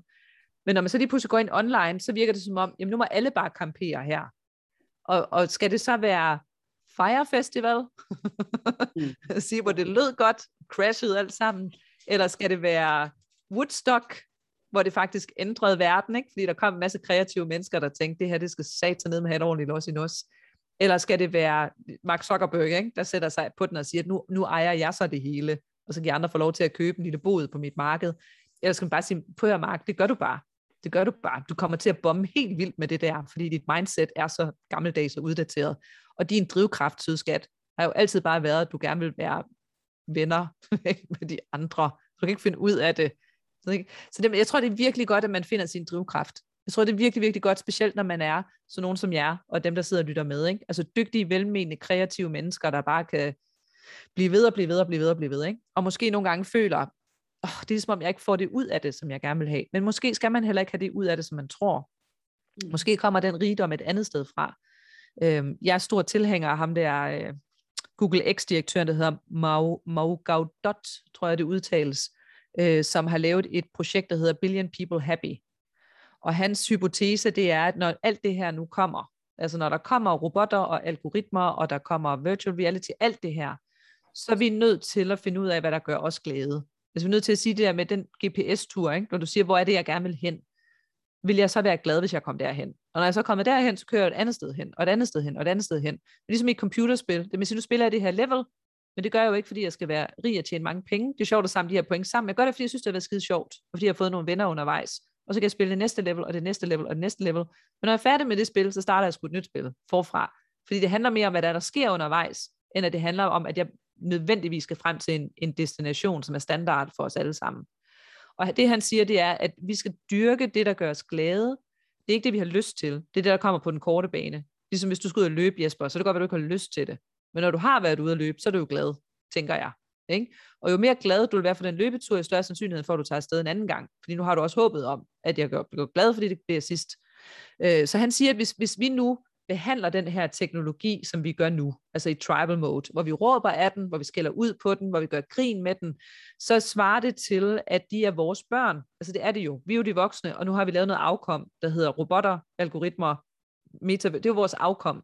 Så hvis vi behandler det som skød, så vil de vokse op og blive dysfunktionelle børn, der kun kan træffe dysfunktionelle beslutninger, fordi de aldrig nogensinde har haft en rollemodel, der kunne vise dem, hvad det er rigtigt at gøre, hvor man er glad. Og tænke, det tror jeg skulle han have ret i. og det er sådan en dejlig ting, ikke det der med at sige på den korte bane, hvad skal jeg gøre? Hvad skal Anne gøre? Hvad skal Jesper gøre? Hvad skal Camilla gøre? Hvad skal du, der sidder og lytter med, gøre? Jamen, du skal indrette dit liv og træffe beslutninger med glæde som formål. Så hvad er det? At glæde mange penge? Hvis det er fint. Hvis ikke det er, så gør noget andet. Øh, jeg tror, at glæde for de fleste menneskers vedkommende, det er, at vi godt lide at hjælpe andre. Det gør, jeg bliver da selv mega glad, når jeg har hjulpet nogle andre. Når jeg kan mærke, at folk har brug for mig. Når mine børn øh, sover, har været i bad og fået noget at spise, jamen så er jeg jo så glad. Jeg føler mig som det rigeste menneske i verden, fordi jeg bor tæt på vandet. Og jeg kan tage mit håndklæde og gå ned og bade, hvis jeg har lyst til det. Det med, hvad er det egentlig, der gør dig glad? Og når man så har gjort sig selv glad, og lært, hvad det er, der gør en glad, så skal man hjælpe andre til, at de kan gøre det samme. Fordi hvis verden bliver befolket af glade mennesker, der kan træffe oplyste beslutninger, og ikke bare køre ud af, fordi vi skal have eskapisme, fordi verden er så hård, og vi ikke tror, vi kan noget, jamen så bliver det jo bare med altså fuld speed på. Ikke? Al den her teknologi bliver bare en kæmpe raket i røven, lige ud over kanten. Men hvis vi kan styre den, ikke? fordi det er alt det, den teknologi, vi har skabt i løbet af de seneste 100 år, den, den har jo sagt, hvem, hvem skal styre, hvem skal sidde med rettet, og sådan sørge for, at det her det ikke crasher, men det kommer et bedre sted hen. Og det tror jeg, fællesskabet skal. Fedt. Nu når du siger fællesskab, så kan det være, at du lige skulle snakke om øh, jeres, øh, I åbner snart ja. igen for nye medlemmer. Det gør på, vi. Vi åbner to gange om året, øh, januar og juni, øh, og lige nu kører vi sådan noget intro halløj, hvor man kan komme og følge med. Vi har en gruppe på Facebook, der hedder Fremtidssans. Der er to, der er en til bogen, og så er der en til, hvor man kan snakke med andre mennesker, der er lige så skør som os, der sidder her. Øh, og så starter vi til, øh, til næste år. Men jeg fik lov til, at vi kunne dele et link, ikke Jesper? Det var næsten det nemmeste. Jo, vi smider nogle links ind i show notes. Så skal man altid bare skrive ja. til mig på anne at universalfuturist.com, hvis man synes, det lyder spændende. Men det er, ja, altså i mangel af, at der ikke findes et jægerridderkursus, så er det futuristkurset for alle os, der er skøre nok til, at vi tror, at vi kan flytte verden fra tribal til planetary, og så tjene penge i processen, så vi har noget at leve af. Ja, og jeg kan kun anbefale det for lige præcis den type mennesker. Øhm, vi plejer at stille et spørgsmål sådan lidt på falderæbet, øhm, og det vil vi også gerne stille til dig. Og hvad er det, Jesper? Du må gerne sige det. Må jeg gerne sige det? Yes. Ej, vi plejer at spørge om, øh, hvad glæder du dig allermest til? Ja, det her metaverse. Jeg glæder mig til augmented reality, Altså, jeg kan godt lide virtual reality, men jeg tror, at det er mega hyped i forhold til augmented reality. Augmented reality, det er jo der, hvor man lægger et lag oven på virkeligheden. Hvor virtual reality, der sætter man hovedet op i gryden, og så er man helt væk. Øh, hvis man kan huske tilbage til Pokémon Go, hvor folk jo gik, altså det var jo mennesker, der ikke før var ude at gå, der gik milliarder af kilometer, fordi de fik den der åndssvage lille trold, de kunne gå rundt og jagte. Det tror jeg kan noget. Altså jeg tror virkelig, augmented reality, det bliver en dåseåbner for 90% af menneskeheden, fordi blandt andet sådan noget med at løbe, altså kunne du forestille dig, Jesper, at når du så skal ud og løbe, så klikker du lige på dine briller, så er det Subway Surfer. Altså det kommer til at se så skægt ud, når du er ude at løbe, ikke? Altså den der, ligesom med Beat Saber, hvor man sådan tænker, jeg tror sgu lige, jeg tager lige en runde mere, jeg tager lige en runde mere. Altså jeg kan jo bruge en time i, i, med at spille Beat Saber i virtual ja. reality, jeg synes, det er skide sjovt, men jeg vil da hellere gøre det med augmented reality, hvor, hvor jeg kunne stå med et svær, og ikke ligne en idiot, og så, og så faktisk have et eller andet omkring mig. Og hvis du så sætter den sammen med, at du skal også have klippet hækken, det er ikke sådan, at, at du lægger de der ting oven i hinanden, fordi vi er så vant til at gøre ting sekventielt. Altså jeg siger jo også til ledere, der siger, at hvis de gerne vil holde bedre møder, så gå, gør det hjemme hos hinanden, og hjælp hinanden med at fikse nogle ting, som er dit stressmoment. Så hvis der er en, der har haft en carport, der ikke er blevet malet, altså, og det bare står på to-do-listen, det kan I godt gøre. I er otte mennesker. Mal den fucking carport og så snak, mens I står der i jeres blå kansasdragter om det, som I skal snakke om. Det vil I få meget mere ud af, end hvis I sad i et eller andet åndssvagt mødelokale, og hvis I tager otte møder i løbet af en måned, så I alle sammen fået fikset et eller andet. Og jeg tror, det er det, vi sådan skal til der med at sige, at vi kan lægge lag oven på hinanden, så i stedet for, at vi får mere og mere travlt, fordi vi løser ting sekventielt, så skal vi tænke, og, og, og, og, og. Altså at jeg både kan komme i god form, mens jeg får ordnet min have, og klimaet faktisk også bliver bedre, mens jeg livestreamer til nogen, der vil betale for at kigge på mig, fordi jeg gør det nøgen. altså, det tror jeg, vi sådan til at tænke, hvordan kan jeg slå flere ting sammen? Så jeg glæder mig enormt meget til uh, augmented reality, fordi jo ældre jeg bliver, jo mere hårdt synes jeg jo, det er at skulle, skulle løbe en tur, ikke? eller skulle gøre noget, man ikke gider. Altså den der, åh, jeg har ikke lyst til det. Selvom jeg ved, at det gør mig glad. Så jeg tror, at, at det der med, når, når man sådan kan tage glæden, de der ting, som vi godt ved, det her det bliver du glad for. Du bliver glad, hvis du har fået ryddet op på dit værelse. Du bliver glad, hvis du får læst til den eksamen. Ikke? Du bliver glad, hvis du får løbet den tur. Du bliver glad, hvis du udsætter din, din komfortbehov for at redde verden. Men vi har ikke lyst til det. Og det er derfor, vi går i tribal mode. Og det tror jeg, augmented reality kan hjælpe os rigtig meget med. Altså jeg havde på et tidspunkt, øh, der var sådan en løbe-app, altså ligesom de der interval, eller de der timer og ting, man kan bruge, men der var bare et zombie-tema.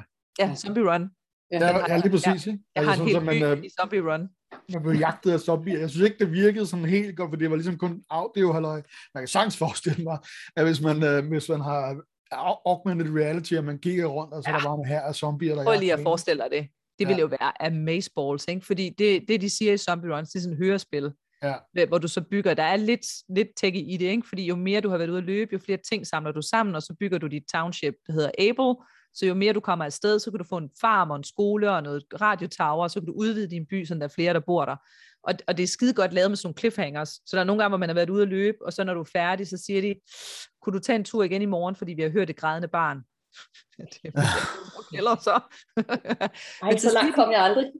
de siger jo sådan nogle ting som, kan, du ved, kan du se tårnet? Fordi nu skal du løbe ned til det tårn, og så kan man jo altid godt finde et eller andet tårn. Men det er lige præcis det, Jesper, ikke? at hvis det nu blev med augmented reality, så vil det der tårn jo sådan fup, lige komme op. Det er der, du skal hen. Og de der zombies, dem kan du høre. Så, så når de siger, øh, nu er jeg sgu ked af, at du har hele tiden sådan en radiotower i øret, ikke? så den siger, jeg er sgu ked af at sige det, men zombies er approaching øh, 500 meter fra højre, og de har virkelig god fart på, så nu skal du altså bare sætte det lange ben foran. Og så kommer det der hit-træning ind, så skal du bare løb så alt, hvad du kan. og så siger de så, så kan du høre i dine ører, så kan du høre sådan, zombies approaching, zombies 20 meters. og man bliver jo helt, selvom man er ved at kaste sine lunger op, så tænker man bare nødt til bare løbe alt, hvad jeg kan. Så selv, så selv der, altså, hvor det faktisk er rimelig lavteknologisk lavet, virker det faktisk ret godt. Men, men man bliver lidt træt af det netop fordi, ja ja, så det er jo bare noget, du lytter. Men det er klart, altså hvis det kom, hvis det kom med sådan nogle briller på, altså, Ja. så tror jeg, vi er bare nogle stykker, der Og kommer. så vil det blive endnu mere mærkeligt, det der med, at når man går i supermarkedet, og så er der lige pludselig nogen, der begynder at tale, og man finder ud af, at de, har, de taler i telefon, og de har øresnegle. Ja. Ikke? Ja. Nu ser man bare folk, der lige pludselig kommer spændende, som om der var et eller andet hysterisk efter dem øh, ude på marken. Ikke? Ja. Nå, ja, okay. Han spiller Zombie Run. Han spiller Zombie Run. Ja, det der, og så i det hele taget, så vil jeg jo anbefale folk bare at møde alting med sådan et nysgerrigt turistblik. Vi plejer jo at sige i vores food community, at en, en uh, er en turist med food i. Ikke? At man starter med det her åbne perspektiv, fordi der sker simpelthen så meget, som vi ikke aner en klap om. Som du også siger, Camilla, ikke? Altså, at for ikke ret lang tid siden, hvis du googlede Metaverse, så kunne du finde et eller andet med en gammel bog fra 80'erne, og nu eksploderer det, fordi folk ikke ved, hvad det er, og så er vi jo nødt til at prøve at på en eller anden måde sætte flag i, ikke? og lave nogle begreber, så vi kan bruge det til noget. Og, og, og det vil der bare komme mere og mere af, så man skal lige passe på, men nogle gange så har man den rygmavsreaktion, hvor man netop projicerer alt lortet frem, fordi vi har set så mange science fiction film, hvor det også verden gik at lave, men det er det eneste referenceramme, jeg har. Et konkret eksempel på det, det er, hvis jeg siger, at øh, mange steder i verden begynder man jo nu at bruge robotter som tjenere på restauranter. Så vil der være mange, der får sådan et billede op i hovedet af, at det ser faktisk ikke særlig fedt ud. Tjener robotter. Og jeg har prøvet det på, der er sådan et sushi-sted på Amagerbrogade, hvor de har nogle robotter, der faktisk er super søde, der går rundt og serverer for folk.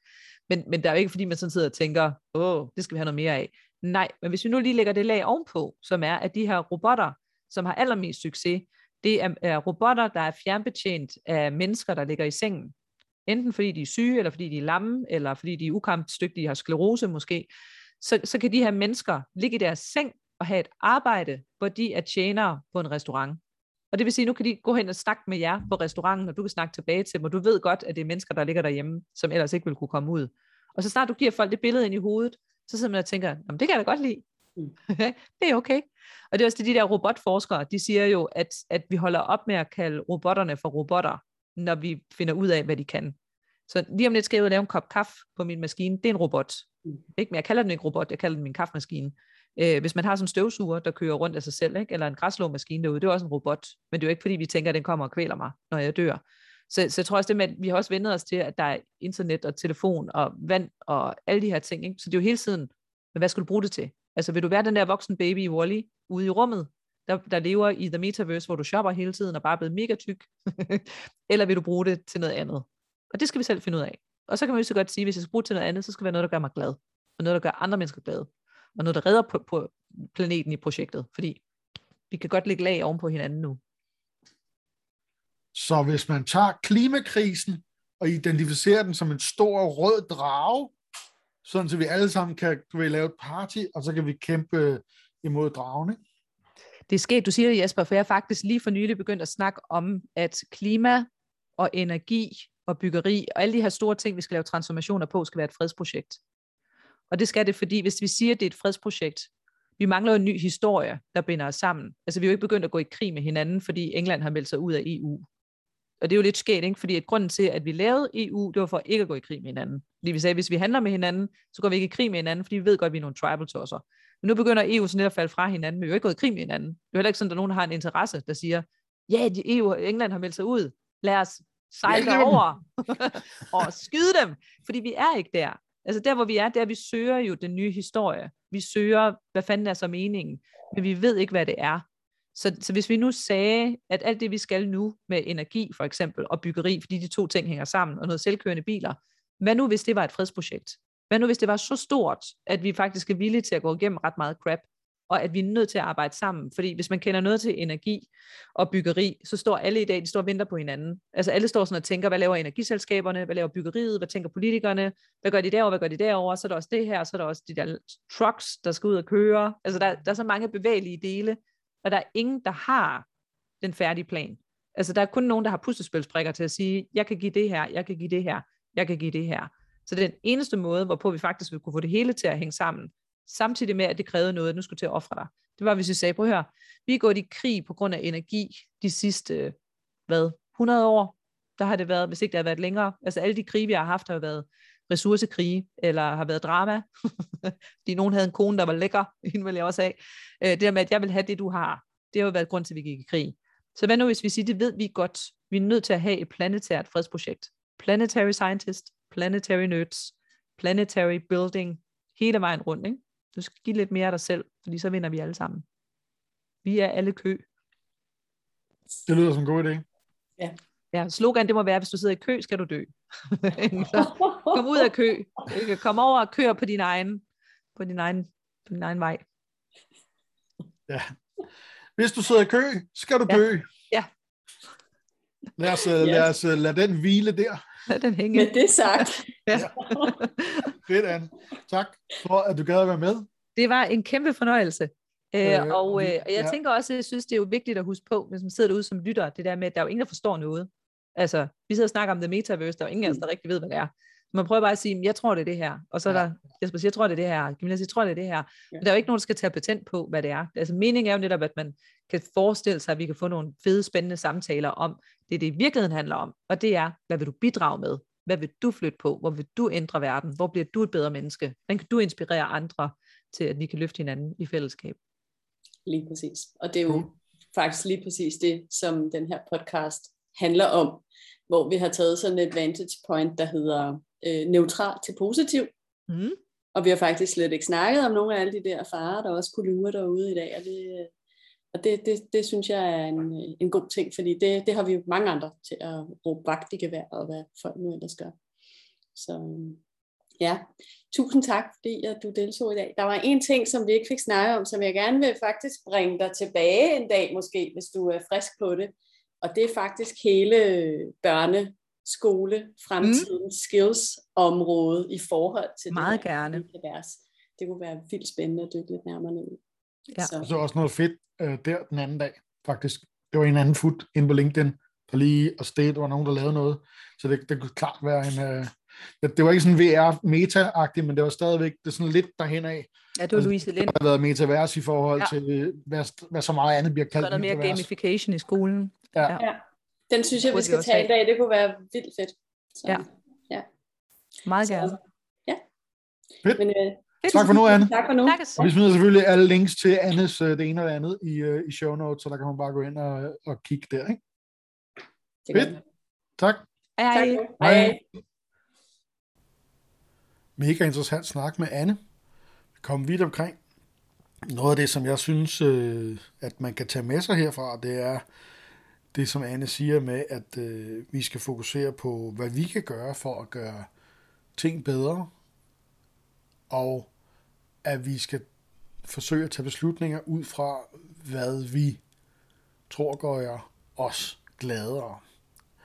Og at de her forestillinger, som vi har omkring det her, som vi refererer til som metaverset lige nu, stadigvæk er noget bras. Altså på den måde sagt, at sådan som vi har bygget det lige nu, det er stadigvæk sådan lidt i tribal mode, hvis man skal bruge Annes ord, hvor, fordi vi kan ikke gøre det bedre lige nu. Så, så det er kun et tidligt stadie, og på et eller andet tidspunkt, så bliver det noget, som vi ikke kan forestille os lige nu. Og der skal vi være med alle sammen. Jeg synes, det er mega interessant. Anne er altid super sjov og øh, virkelig spændende at snakke med. Så øh, mange tak for det, Anne, og vi ses næste gang i Metaverse Cast.